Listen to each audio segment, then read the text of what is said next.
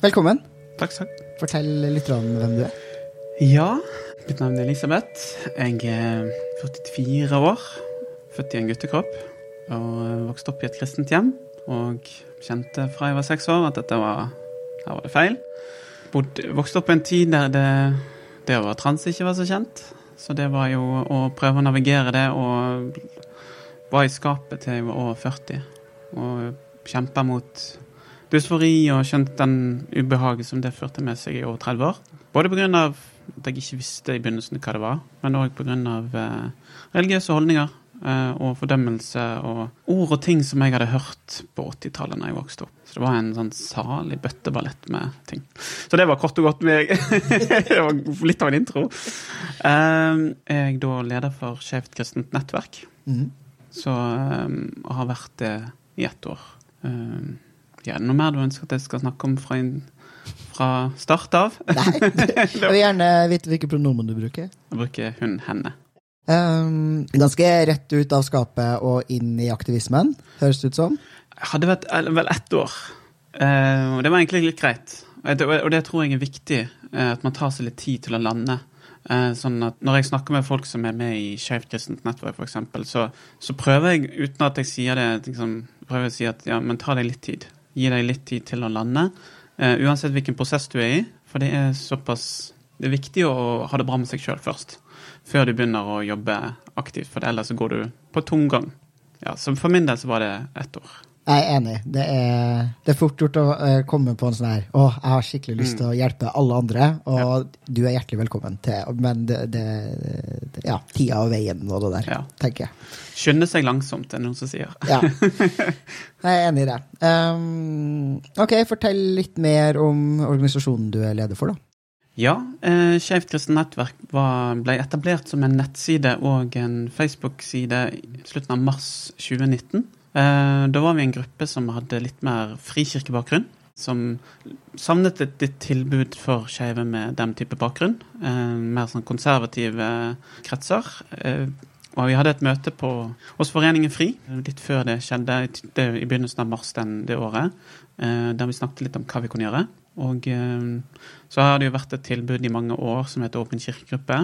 Eh, som kanskje de siste årene opplevdes at det var mer retta mot Den norske kirke, altså tidligere statskirken. Mens vi da har Jeg har bakgrunn fra pinsebevegelsen. En helt annen måte å gjøre kirke på. Sånn at eh, vi kjente litt på et, en, et nettverk. Eller egentlig så var det òg mer et ønske om å få ut informasjon. For hvis du søkte på internett på Google og skrev 'kristen og skeiv', så fikk du opp sånn type helvetesforkynnelse at uh, Gud fordømmer det, og at det er synd. Og det ønsket vi å gjøre noe med. Så det var en, egentlig et, utgangspunktet var egentlig bare et ønske om å ha en nettside med informasjon. Og så ble det til at det ble kontaktpersoner, og så ble det til at dette balla på seg. Mange begynte å følge oss. Og før vi visste ordet av det, så har vi etablert som organisasjon i november 2019. Og så har vi da fått erfare og vokse og utvikle oss som en organisasjon midt under en pandemi. Så det har vært litt av utgangspunktet vårt, da. Det som jeg sa før pandemien. så ja, vi er en tverrkirkelig og interesseorganisasjon. Så vi har medlemmer fra veldig mange forskjellige kirkebakgrunner. For de lytterne som kanskje ikke er så bevandra i eh, eh, norske religiøse miljøer, Mm. hva er liksom hovedforskjellen på Den norske kirke og frikirkemiljøene?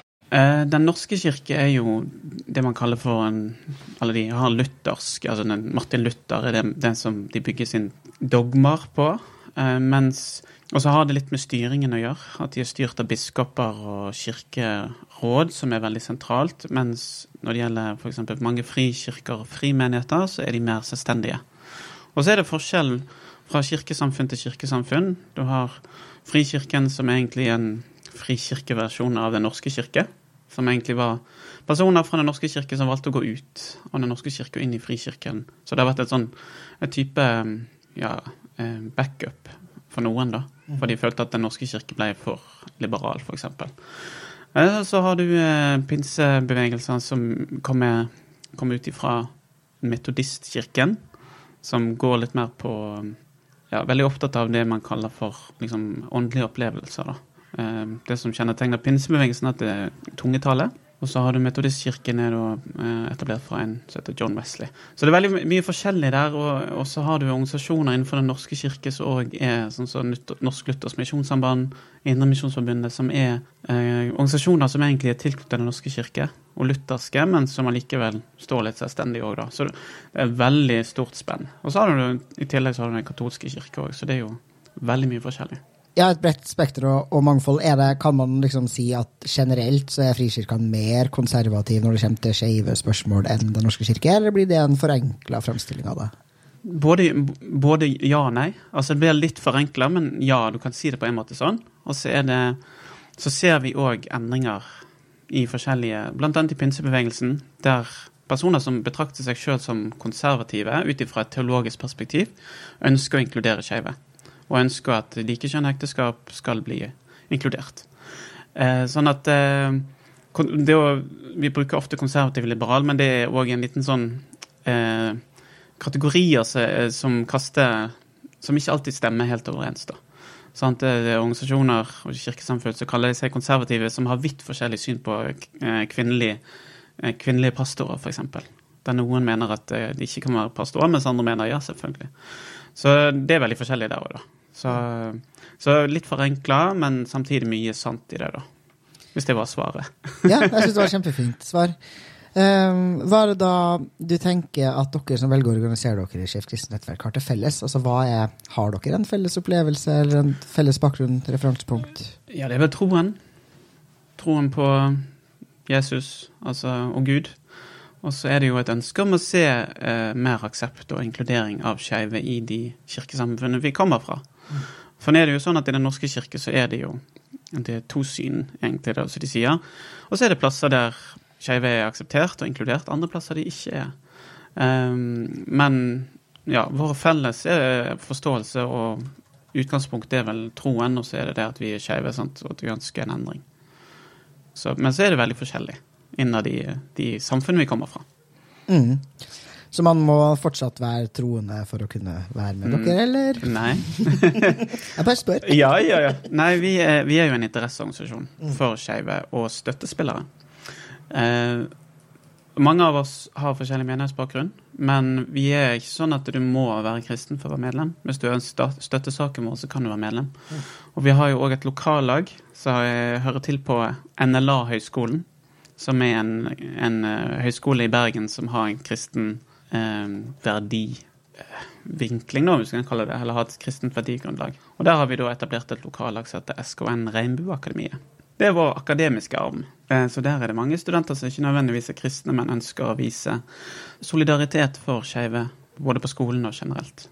Jeg i hvert fall da som, eh, som ikke-troende, og som liksom eh, ser på kirkesamfunn litt sånn fra utsida, så føler jeg at det har vært veldig sånn Min idé er at eh, ganske mange kristne mennesker har et mer konservativt syn, i hvert fall på homofili, enn det kanskje jeg har. I hvert fall definitivt enn det jeg har, for så vidt. Men eh, det er i hvert fall mest snakk om liksom, homofili og seksuell orientering, og egentlig ganske lite snakk om kjønn og trans. Er det gitt at hvis man f.eks. har negative holdninger eller er, er mer konservativ i synet sitt på samkjønna ekteskap, og sånn, at man også har noe imot transfolk, eller henger ikke det nødvendigvis sammen? Eh, Sånn teologisk? Ja, teologisk. Ja, men det er faktisk noen som Noen plasser henger det sammen. Sånn at eh, for min del, som da er trans, så ville ikke jeg hatt mulighet til å ha en tjeneste i menigheten på lik linje med noen, et likekjønna par. Mhm. For hvis en lesbisk eller homofil eller bifil får seg en kjæreste av samme kjønn, så må de gi slipp på tjenesten. Og det er noen plasser det samme for meg. Når jeg da kommer ut, kom ut som meg sjøl, hadde jeg vært aktiv i en menighet da, så måtte jeg ha gitt slipp på den. Sånn at det, Noen plasser er det sånn, andre plasser er det sånn Det med kjønn, nei, det, det skjønner vi. Det, der sitter det, det er mer sånn biologisk forankra hjerne og, og sånn som vi kan diskutere om. Men der er det en større, enkelte plasser er det større forståelse at dette Der det sitter altså, det står ikke, står ikke nødvendigvis noe i Bibelen om det eksplisitt. Mens med homofili så liksom- står det liksom disse versene om at menn skal ikke ha sex med menn, eh, som jo tas ut av sammenheng. Men da for noen blir det enklere å akseptere transpersoner enn LHB eh, i den eh, akronymen. da. Eh, Gitt at de transpersonene er binære og heteroseksuelle, da. Ja, ja. ja. så hadde jeg vært heterofil, så hadde det gått helt fint i mange plasser. Ja, For det er du altså ikke. Nei, jeg er jo lesbisk, så Ja, eh, Gratulerer med det. takk, takk. Det er jo en flott seksuell orientering. Du var lesbisk i mange år, jeg, si. Ja. Ja, men det, det, det er interessant. For jeg også tenker jo umiddelbart at jeg i hvert fall ikke har hørt noe særlig om de stedene i Bibelen hvor man liksom eksplisitt skulle nevne noe særlig om kjønn. Annet enn at man er ganske opptatt av hva kvinner og menn skal gjøre, men man er ikke så veldig opptatt av hvem det er som er kvinner og menn, føler jeg, da. Ja, altså det er jo det er jo noen da som mener at jeg f.eks. synder mot skaperverket, for Gud skapte meg som mann. Så det er noen som har den holdningen òg, som leser liksom Bibelen veldig den, Vi bruker et ord som er, som er bokst, eller forklaring som heter bokstavelig. Eh, de tar nok ting ut av sammenheng der òg, så jeg vil ikke kalle det si at de leser bokstavelig. De tar eh, og legger til mye. Um, men de vil da si at jeg synder mot skaperverket. Så du har de holdningene òg. Men det er veldig forskjellig. Så det er veldig forskjellig fra innad i konservative organisasjoner òg. Det er ikke et ja eller nei-spørsmål eller på en måte heller, da. Så Nei, og det er jo litt sånn som du jo sa, så har du visst hvem du har vært siden du var seks år. mm. Ja, da begynner man jo å nærme seg selve skapelsen, da, tenker jeg. Mm. Sånn. Ja. men på, på ekte, da. Det viser Ja. si, når er det synden skal komme inn, da. Mm. eh, Og være noe annet enn det man i utgangspunktet var skapt som. Men ja. Mm. Er dere, eh, er dere mange transfolk? Ja, vi er begynt å bli litt. Altså, det er jo litt, litt artig å se, da, for eh, når vi begynte, så var jeg Jeg har jo vært kontaktperson siden dag én, eller nesten dag én. Eh, og jeg er jo den eneste som er trans av kontaktpersonene. Eh, og når vi begynte, og det var første Vi har hatt en sånn nettverkssamling, og det er en sånn halvårlig samling som vi har der lokallagene er vertskap. da. Eh, så går det på rundgang. Og det første vi hadde, det var november 2019 i Oslo. Da var jeg den eneste der som var trans. Og så delte jeg litt av min historie, og det var jo litt viktig da for å få opp den. Og så måtte jo hele tiden påminne de andre om at jeg husk transperspektivet, husk transperspektivet, for det var så lett at det ble glemt. Um, for man, man tenker på det man sjøl er opptatt av. sant? Så da, Men etter hvert så er det kommet flere til. Um, så valgte jo de da meg som leder i fjor. Uten at jeg tror det hadde så mye med transperspektivet å gjøre. Det var bare rent tilfeldig at jeg var trans. Det var bare de syntes jeg var den beste til å være leder for organisasjonen. Um, men jeg tror i dag så er det kanskje rundt om mellom 7 og 15, kanskje. Av, det, kan godt, det er sikkert mange flere som følger oss, men av medlemmer. da. Og vi har rundt om 260 medlemmer. Så det er jo fortsatt en liten prosent, men prosentandelen i forhold til hvor mange trans som er i samfunnet, så er det kanskje litt av det samme. Men det kommer, jeg tror det er flere der ute også, som bare ikke har sett oss ennå. Nei, det er jo bare hvis noen lyttere nå tenker jøss, det her høres Ja. ut som en gjeng som jeg har lyst til å være sammen med, så er det jo bare å finne dere, vil Ja. jeg tro. Vi er veldig inkluderende, det kan jeg si. Jeg, jeg tror på det. Ja.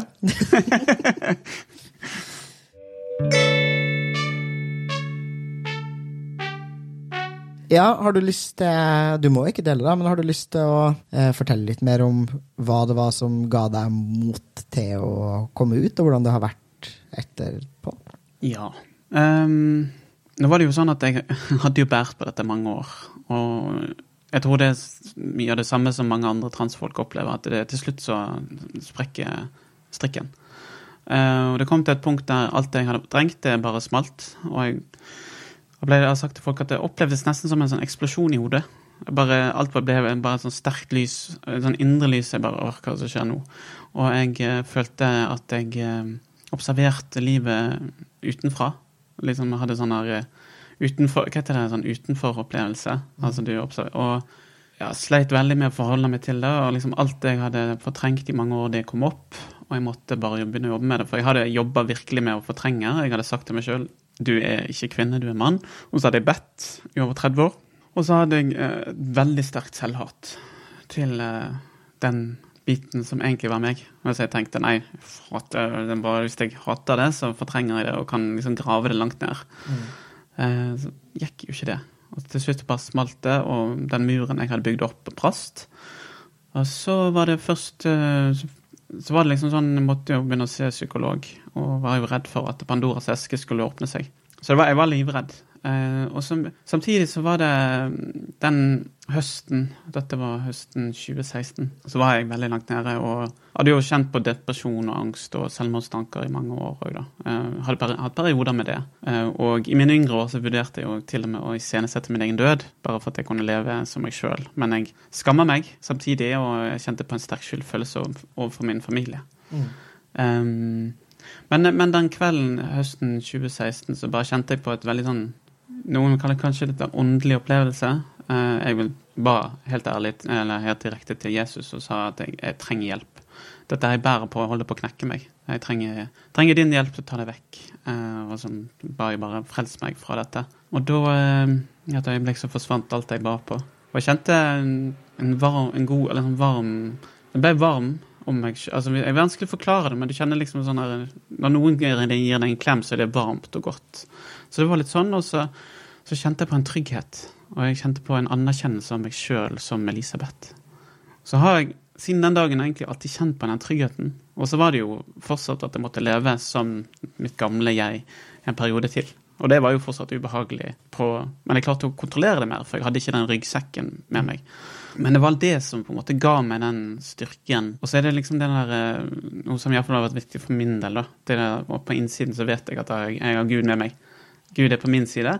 Og da uansett hva folk sier om meg, så bryr meg ikke. Jeg tror på at Gud har skapt denne verden, og da kan jeg si at jeg, verdens skaper er på mitt lag. Mm. Så det har egentlig gitt meg alltid litt sånn trygghet, da. Så derfor jeg eh, Og så kjenner jeg litt på eh, Jeg føler meg privilegert òg som har måte, hatt den opplevelsen, hatt det møtet og har den tryggheten. Så litt av grunnen til at jeg tar disse, denne rollen jeg har som leder, f.eks. For, eksempel, for det er, det er ikke så mye som går inn på meg. Jeg pleier å si til folk at Gud har velsigna meg med en uh, hard hud. så ja. Så det, det, var egentlig den opplevelsen som gjorde at jeg hadde den tryggheten til å ta et steg ut. da, Og, og, og engasjere meg når, kom, når, det kom så langt. Du, eh, du, beskrev det som at du før har eh, hatt mye selvhat og mm. internalisert veldig mye negative ideer og tanker om deg selv. Føler du at de slapp i det her øyeblikket? At det var liksom, etter det så har det ikke vært noe Du har ikke tenkt noe negativt om deg selv siden det? liksom? Nei. Nei? Jeg har kjent på så det var en Jeg kjente på kjærlighet. Kjente på at jeg var elska. Mm. Og har eh, på en måte hvilt i det siden da. Og hviler i det Kjenner på at jeg kan hvile i det hver dag. Sånn at hvis jeg eh, Hvis noe går inn, inn, over meg, eller inn på meg, så liksom har jeg den påminnelsen i bakhodet. Ja, men du er elsket, du er elsket. Men det er egentlig den, den er ganske sterk, da. Så jeg kjenner ikke Det er ingenting som på en måte biter så veldig på.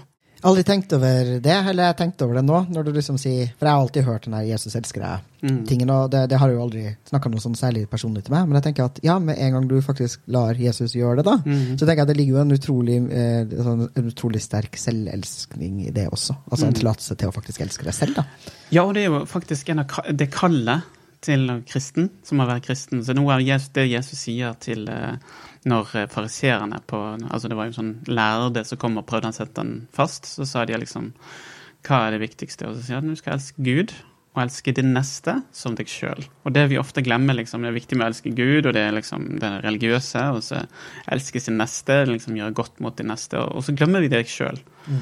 Men problemet er at det, og deg sjøl og din neste, de må bytte plass. For du må elske deg sjøl før du kan elske din neste. Eh, men det det er en del av det kristne budskapet som blir veldig underkommunisert. da. Mm. Og at man er redd for at det blir høy på pæra. Så tror jeg òg i Norge så er denne janteloven står sterkt. da. Ja. så når det blander inn religiøs eh, og kristen forkynnelse, blir en sånn veldig sånn negativ Nei, du skal ikke elske deg sjøl. Men hvordan kan du elske det neste hvis du ikke kan elske deg sjøl? Nei, altså Hvis du skal elske det neste som du elsker deg selv, og du i utgangspunktet ikke elsker deg selv, så stiller du ikke så veldig høye krav til den nestekjærligheten. Sånn hvis, hvis, den skal være ordentlig god og ålreit, så må mm. du faktisk elske deg selv. ja, jeg tror faktisk av og til så tror jeg det er litt av grunnen til at enkelte kristne er kjipe mm. med skeive. For de er, de er, ikke gode på å elske seg sjøl. Og da er det enklere å Og det, du vet at det er veldig mange av de som, som mobber, f.eks., for er jo fordi at de strever med noe sjøl. Altså, det er jo det enkleste form for angrep er jo å ta og distansere seg fra Eller angrep brukes for å distansere seg sjøl fra det man er vondt, syns er mm. vondt. Så jeg tror jo selvelsk er Det er et essensielt kristent budskap, egentlig. Og det er ikke, det er ikke å være høy på seg sjøl, men det er å være komfortabel med hvem man er, og være, akseptere seg for den, den man er. Jeg syns det er litt synd at det kristne budskapet er blitt så veldig, så veldig, til tider veldig, veldig, negativt. Og det er fordømmelse mange plasser, og, og istedenfor liksom det ja, nestekjærligheten går til deg sjøl, liksom, hvis jeg kan si det sånn. Ja, det er jo dessverre sånn at vi menneskene er innimellom litt dårlig. Mm. Så når vi får i oppgave uh, å forvalte yeah. noe, så gjør vi ikke alltid en glimrende jobb. Innimellom så bare ødelegger vi og lager mer kaos enn det som er nødvendig. Ja. Ja. Hvordan er det Eller hva sier du til folk som er på det stadiet i livet der du var før du kom ut, hvis de tar kontakt eller trenger hjelp og støtte? Hva, hvordan hjelper du dem? Lytte først og fremst. Mm. Og gi de, anerkjenne de for den de er, og liksom gi dem trygghet. For det, jeg har folk som tar kontakt med meg og har jo sagt at det, Og det er litt sånn som jeg kjente på sjøl, og det var ikke sånn noe problem at andre var skeive eller andre var trans. Det var at jeg var trans sjøl. Mm. Sånn, Selvhatet stikker dypere enn kanskje hatet til andre. Um, så jeg prøver liksom å bare anerkjenne dem og vise dem, og liksom bare si at du, du er perfekt som du er. I det at de er Eh, altså perfekt som, som og så skjønner jo altså, Det å være perfekt som person betyr jo ikke nødvendigvis at du ikke kan gjøre noen endringer, for det er jo det å være i synk med hode og kropp. Uh, men det å bare fortelle dem at de er unike og verdifulle, uh, og så bare prøve å være lyttende når de forteller om hva de liksom, La de få fortelle litt av sin historie. Og så prøve altså, gjør iallfall det jeg, jeg kan for å anerkjenne dem for den de er, da. Og, og, så tenker jeg at det er viktig at de får se noen profesjonelle. Altså få støtte um, fra en psyk psykolog, f.eks. For, mm. for å jobbe med jobbe videre. Men jeg eh, ønsker iallfall å hjelpe det jeg kan for å kanskje av og til stille noen spørsmål om hvordan har du, når kjente du på det, kanskje, og hjelpe de til kanskje å sette ord på ting. For jeg er nok heldig med at jeg har lett for å sette forklare min historie, så mm. vet jeg mange som, ikke, mange som er trans, som ikke alltid klarer å gjøre det sjøl. Og det er kanskje um, gi dem noen redskaper da, for hvordan de kan fortelle sin historie, og kanskje spesielt når de søker hjelp i spesialisthelsetjenesten, der vi jo vet at det er av og til litt mangelfull hjelp. ja. Understatement of the year. ja. Og jeg er veldig uh, snill. ja. Det er lov til det. det ja. Ja. Du snakker litt om, om, profesjonelle hjelpere, og jeg tenker også at det er, er nyttig for folk. Mm. Også fordi hvis vi som aktivister som er, skal overleve, så kan vi heller ikke hjelpe alle, alle de andre transfolkene. Så det blir for tungt, da. Men finnes det noen Eller finnes det mange nok og gode nok hjelpere som, som er i stand til å liksom ivareta både det skjeve perspektivet og det religiøse perspektivet? Altså, Forstår de faktisk hva dere står i, på en måte? Tenker du på spesialist? Nei, Eller, altså Riks, Riksen forstår selvfølgelig ikke hva dere står i. altså Det er ikke et spørsmål engang. Men jeg tenker, ja. fins det andre bra fagfolk der ute som faktisk er nyttige, og som klarer å se hele mennesker? Jeg tror nok Noen er nok litt sånn antireligiøs. Mm. Um, for vi blir, det blir kanskje altså Folk skjønner jo ikke hvorfor vi er kristne når, når kirken har noe imot oss. Det er litt frustrerende. Når man har disse holdningene eller sier ja, men hvorfor tror du, hvorfor fortsetter du å tro? Liksom? Ja, men troen er personlig. Det har ikke noe med personene som fordømmer meg å gjøre. Det har noe med relasjonen til Gud. Mm. Um, men ja, nei, jeg skulle ønske at det var kanskje flere fagfolk som hadde en sånn tverrfaglig fokus. da. Um, det som er viktigste for vår del i, i Skeivt kristent nettverk, er å skape trygge rom. Sånn at der kan folk få komme om de fortsatt er i skapet, både om det gjelder hele LHBT, um, A. Hele akronymet, liksom. At uh, du, du skal få lov å vite at du er, det er en trygg plass. Uh, sånn at Det er iallfall det vi, vi prøver på, da. Å skape trygge rom. Og så tenker jeg at det er noe som bør styrkes, på en måte. Men jeg tror nok folk er litt for dårlige til å se interseksjonaliteten i det. Og se den der totalen, som du sier. sant? Altså, folk i det offentlige helsetilbudet, uansett om det er Riksen eller eh, helsestasjonen for kjønn- og seksualitetsmangfold, så, så ikke det, tror jeg ikke den religiøse biten er noe man tenker så veldig mye på. Selv om det kan være veldig bremsende for veldig mange som er vokst opp i et kristent hjem. Så jeg skulle nok ønske at vi hadde litt mer av den tverrfaglig eller interseksjonalitet fokuset der. Og det er ikke bare på kristne, men også tenke på minoritet. Ja, ja, bare, bare generelt. Ja, for det, jeg også føler at det er en sånn ting som, som mangler veldig. Altså, noen har litt kompetanse på eh, det å være religiøs, og noen har litt kompetanse på det å være trans, og noen har kanskje noe kompetanse på noe homofili. Og så er det så få da, som kan flere ting, eller som klarer å overføre kunnskap eh, og forståelse av, liksom, av liksom, selve minoritetsperspektivet da, til forskjellige minoriteter. Og hele akkurat det du sier med der interseksjonaliteten, da, og klare å se hele komplekse mennesker og forstå at alle de her delene av deg er viktige og har noe å si for hvem du er, og hvordan du best burde møtes. da. Ja. Eh, og man kan på en måte ikke forholde seg til denne skjevheten uten å ha med den religiøse delen. Hvis veldig, spesielt ikke når veldig mye av skjevheten er forstått og eksistere inn i en liksom, religiøs kontekst. Mm. Det er lett for at vi deler oss opp, altså mennesker opp i, i deler, liksom. Enten er du skeiv, eller så er du religiøs. Sånn, Nei, men jeg er en skeiv religiøs. Mm. Eller religiøs skeiv, eller hva du skal kalle det. Troende skeiv. Uh, så jeg tenker det er viktig det med å um, Vi må slutte med den splittingen, for det er, det er så lett for. Altså det, så vi må eh, ja, se hele mennesker, tenker jeg. Mm. Så jeg, jeg skulle ønske at det var mer fokus på det. Men så tror jeg det òg nok er litt ukjent for folk. For det Det med religiøs Altså det, det er nok mer kulturelle holdninger folk sliter med enn religiøse holdninger rundt om i Norge. For Norge er jo et mer sekulært land, men vi har jo fortsatt en del av oss som er religiøse eller troende, som, har, eh, som opplever disse tingene. Så det er absolutt behov for det. Jeg skulle ønske at det var en, en eh, klone av meg som var psykolog, for eksempel. Jeg har ikke den kompetansen. Men noe sånn tror jeg hadde vært eh, Ja.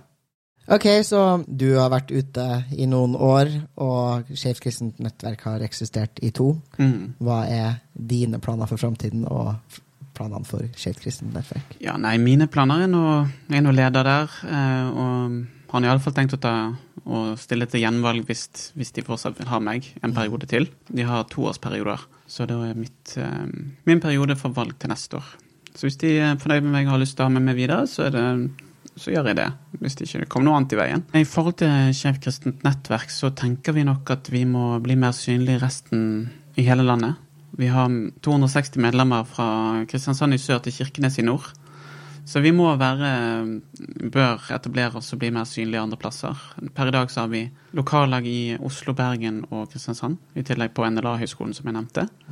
Men vi må bli synlige i flere plasser for å skape disse trygge rommene. For vi vet vi har Jeg har flere historier om mennesker som har kommet til oss. Og både, altså, både homofile og transpersoner og lesbiske og altså hele den skeive Hva skal vi kalle det? da? Alle, alle kategoriene. Familien, den Ja, skeive familie, familien. skeive familien. Ja, så vi har veldig mange historier der folk er kommet og sagt liksom dette er tungt. Jeg vet ikke helt hvordan jeg Altså folk som har vært sengeliggende, og så har- fordi de, skjønt, de klarte ikke å få det med tro og at de er skeive, til å stemme overens. Mm. Og så har de kommet i kontakt, og de har liksom fått troen på seg sjøl. Og det er noe som vi er veldig opptatt av. Det at eh, du skal få lov å like deg sjøl, og så skal du få lov å tro på Jesus. Mm. Det er liksom viktig for oss, da. Å hjelpe skeive som kanskje har opplevd at de ikke er gode nok, eller har fått høre det. Hjelpe de til å like seg sjøl. så jeg tenker det er vårt arbeid videre, iallfall. Det er jo uansett hva vi kalle visjon eller mål i alt vi gjør. Det er utgangspunktet. Og så tenker jeg å skape trygge rom rundt omkring, og påvirke menigheter der vi kan, politikere der vi kan, og være synlige der vi kan. At vi, eh, at vi er en stemme man kan regne med, da. Eh, Så vi forsvinner ikke med det første. Nei, det er bra. Ja. Eh, folk kommer til å fortsette å både være religiøs og skeive i all overskuelig Ja, framtid. ja. Så det, ja, det er veldig veldig fint. Jeg tenker at flere folk trenger å høre da, at de får lov til å være hele seg. At du ikke er nødt til å forsake deler av, av hvem du er som menneske for å få lov til å eksistere her i verden.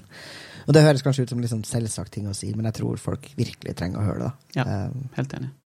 bare rent, altså det her er en nysgjerrighetsspørsmål, så jeg Ja. kan ikke klippe det ut. Sånn, et, um, fordi det er jo, uh, for deg da, så vil jo det å komme ut som kvinne medfører jo da også for deg at du plutselig ble lesbisk. Mm.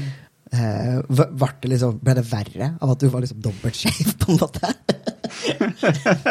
Ja, på noen måter så var det litt det. Plutselig ble, ble legningen min unaturlig. Mm. Så det var litt sånn rart, da. Gå fra å være helt naturlig Jeg er fortsatt tiltrukket til samme kjønn, Mm. men plutselig den, gikk fra å bli omtalt som naturlig til å bli omtalt som unaturlig. Så det er litt spesielt. Og det er litt sånn en litt sånn dobbel utfordring, som kanskje ikke alle tar inn over seg. For hadde jeg vært heterofil, så hadde jeg passet inn i en heteronormative Og hadde jeg passert greit, så hadde liksom ikke folk tenkt så mye på det. Men siden jeg da er lesbisk, så Ja. Samtidig så har nok ikke jeg gjort som Jeg har liksom ikke vært sånn veldig på at det skal være sånn og sånn type lesbe, liksom. Jeg er mer sånn at jeg, jeg har ønsker å uttrykke meg sånn og sånn. Og så tenker ikke jeg at det har, hvordan det har å si i forhold til meg som lesbisk. Men meg, mer meg som kvinne. Mm. Det har gitt noen litt utfordrende tanker fra sånn menighetsperspektiv, da. Trøster deg med at det i hvert fall om ikke annet er litt grann kjønnsbekreftende. At du hadde blitt kasta ut. da. Ja. ja. Da er du i hvert fall nødt til å anerkjenne at du er en dame, da. I det minste. liksom. Ja. Det er en ja, det er noen som sliter men- med det òg, da. Ja, ikke sant. Ja. Så jeg har jo blitt hengt ut av noen religiøse ledere. Men det er jo litt sånn her, det er jo det som jeg synes er sånn For de taper jo bare, for da blir de Mm. litt sånn ja, Hvis de da tenker at du er en heteroseksuell mann, så Mm. er det litt sånn Ja, ok, og hva har du da gjort for noe galt? Altså sånn, Mm. det, det må de jo bare, bare tenke, tenker jeg. Men ja. Det er selvfølgelig lett for meg å si. eh, Men ja. Altså, jeg bryr meg ikke. De får dure på. Jeg er veldig trygg i hvem, hvem jeg er. Så tenker jeg det er mitt jobb, min jobb som leder å prøve å gjøre andre trygge hvem de kan være, og Ja. hvem de er.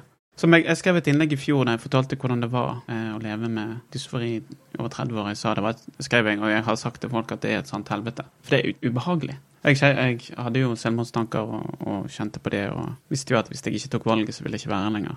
Mm.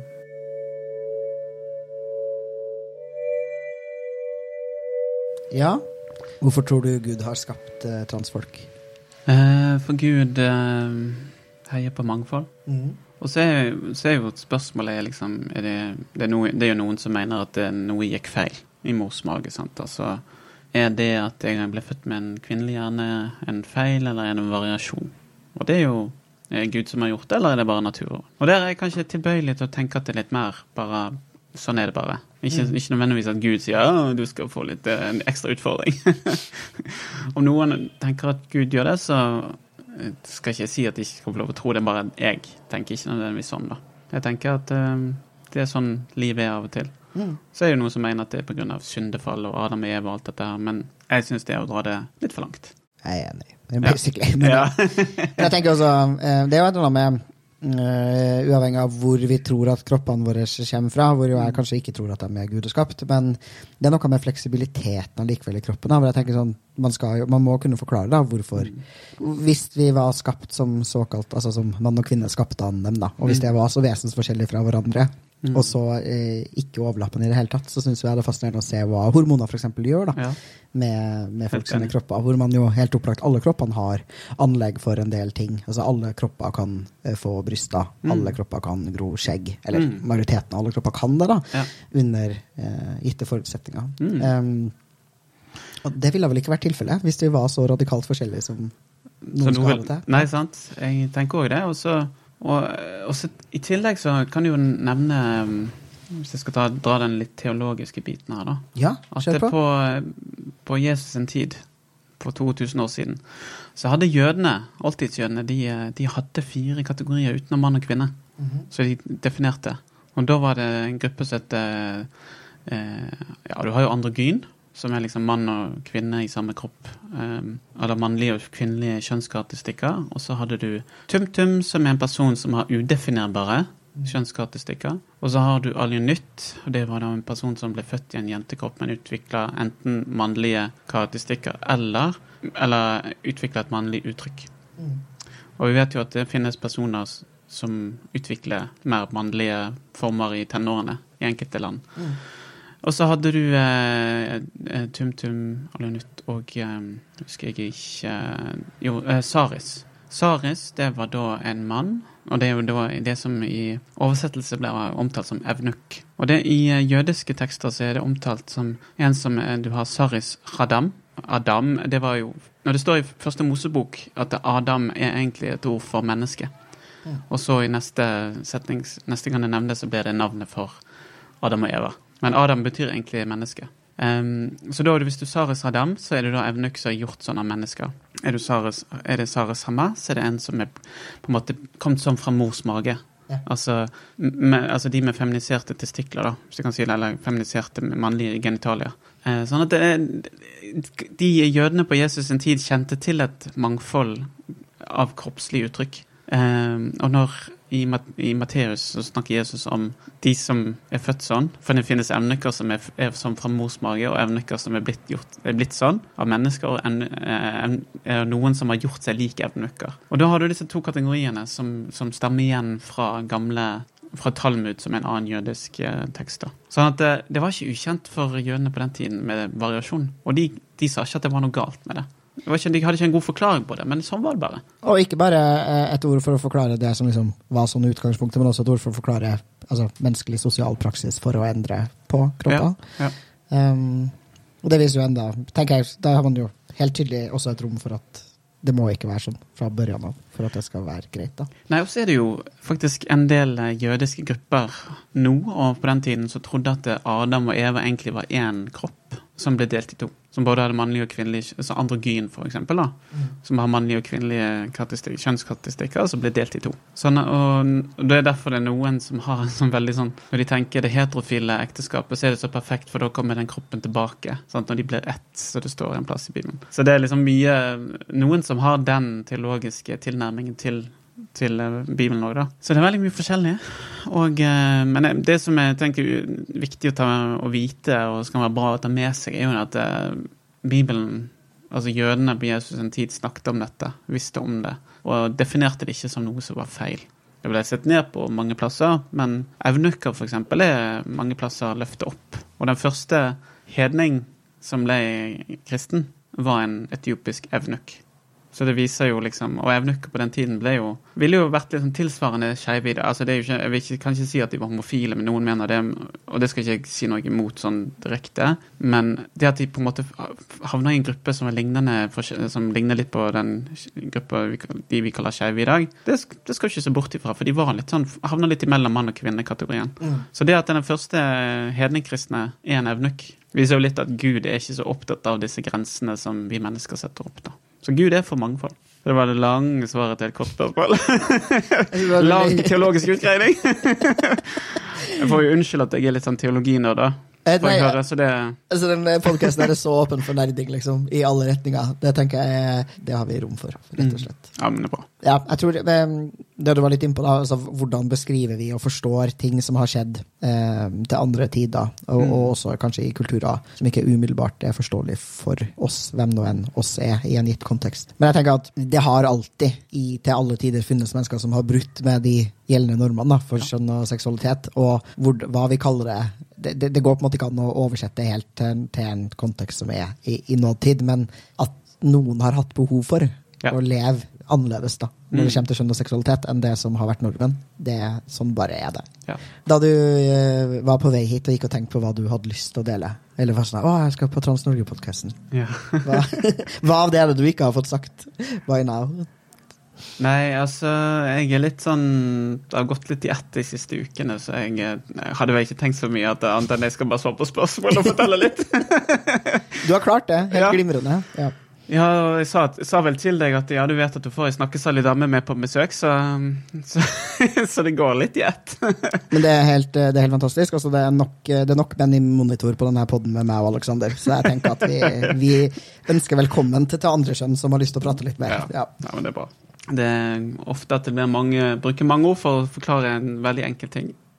Altså, jeg tenker Det som kan være viktig for folk å vite om, om det å være kristen og trans, er at det, ja, det er utfordrende for mange fordi at det er en del holdninger rundt omkring. Det som vi sitter med, og erfaringene vi har i Skeivt nettverk, er jo at eh, Gud ikke ekskluderer. Sånn at uh, man er unik, man er verdifull som den man er, uansett hvor man er hvor man identifiserer seg inn i den skeive familieparaplyen. Mm. Så, um, og det er samme med trans. Altså man er verdifull og velkommen, og jeg tror jo at Gud velsigner alle. Og Gud, jeg tror Gud er opptatt av at alle skal kjenne at de kan få lov til å elske seg sjøl. Hvis man ønsker å komme i kontakt med Skeivt kristent nettverk, hvor, hvordan gjør man det? Du kan faktisk bare søke på det på Google. Google that shit! Ja. Nei, vi er på Facebook og Instagram, og så har vi jo en nettside. Der er det litt info. Og der er det en oversikt over kontaktpersoner. Som, der er det bare å kontakte. Og Det er vel sikkert egentlig bare meg som er trans- og kontaktperson der, da. Foreløpig. Men jeg håper jo det kommer flere. Mm. Ja, det er bare å søke oss opp. Vi ønsker å være så relevante og som, så synlige som vi kan, og bidra der vi kan. Um, og så er vi Har vi til nå vært en, bare en frivillig organisasjon, uh, så det er jo litt sånn som dere kjenner på kanskje litt òg, at har, det går litt kapasitet på det. Mm. Um, men nå skal vi begynne å ansette, så da i noen, noen prosentstillinger, så det håper vi kan hjelpe oss til å bygge videre. Må vi bare ta steg for steg. Herlig.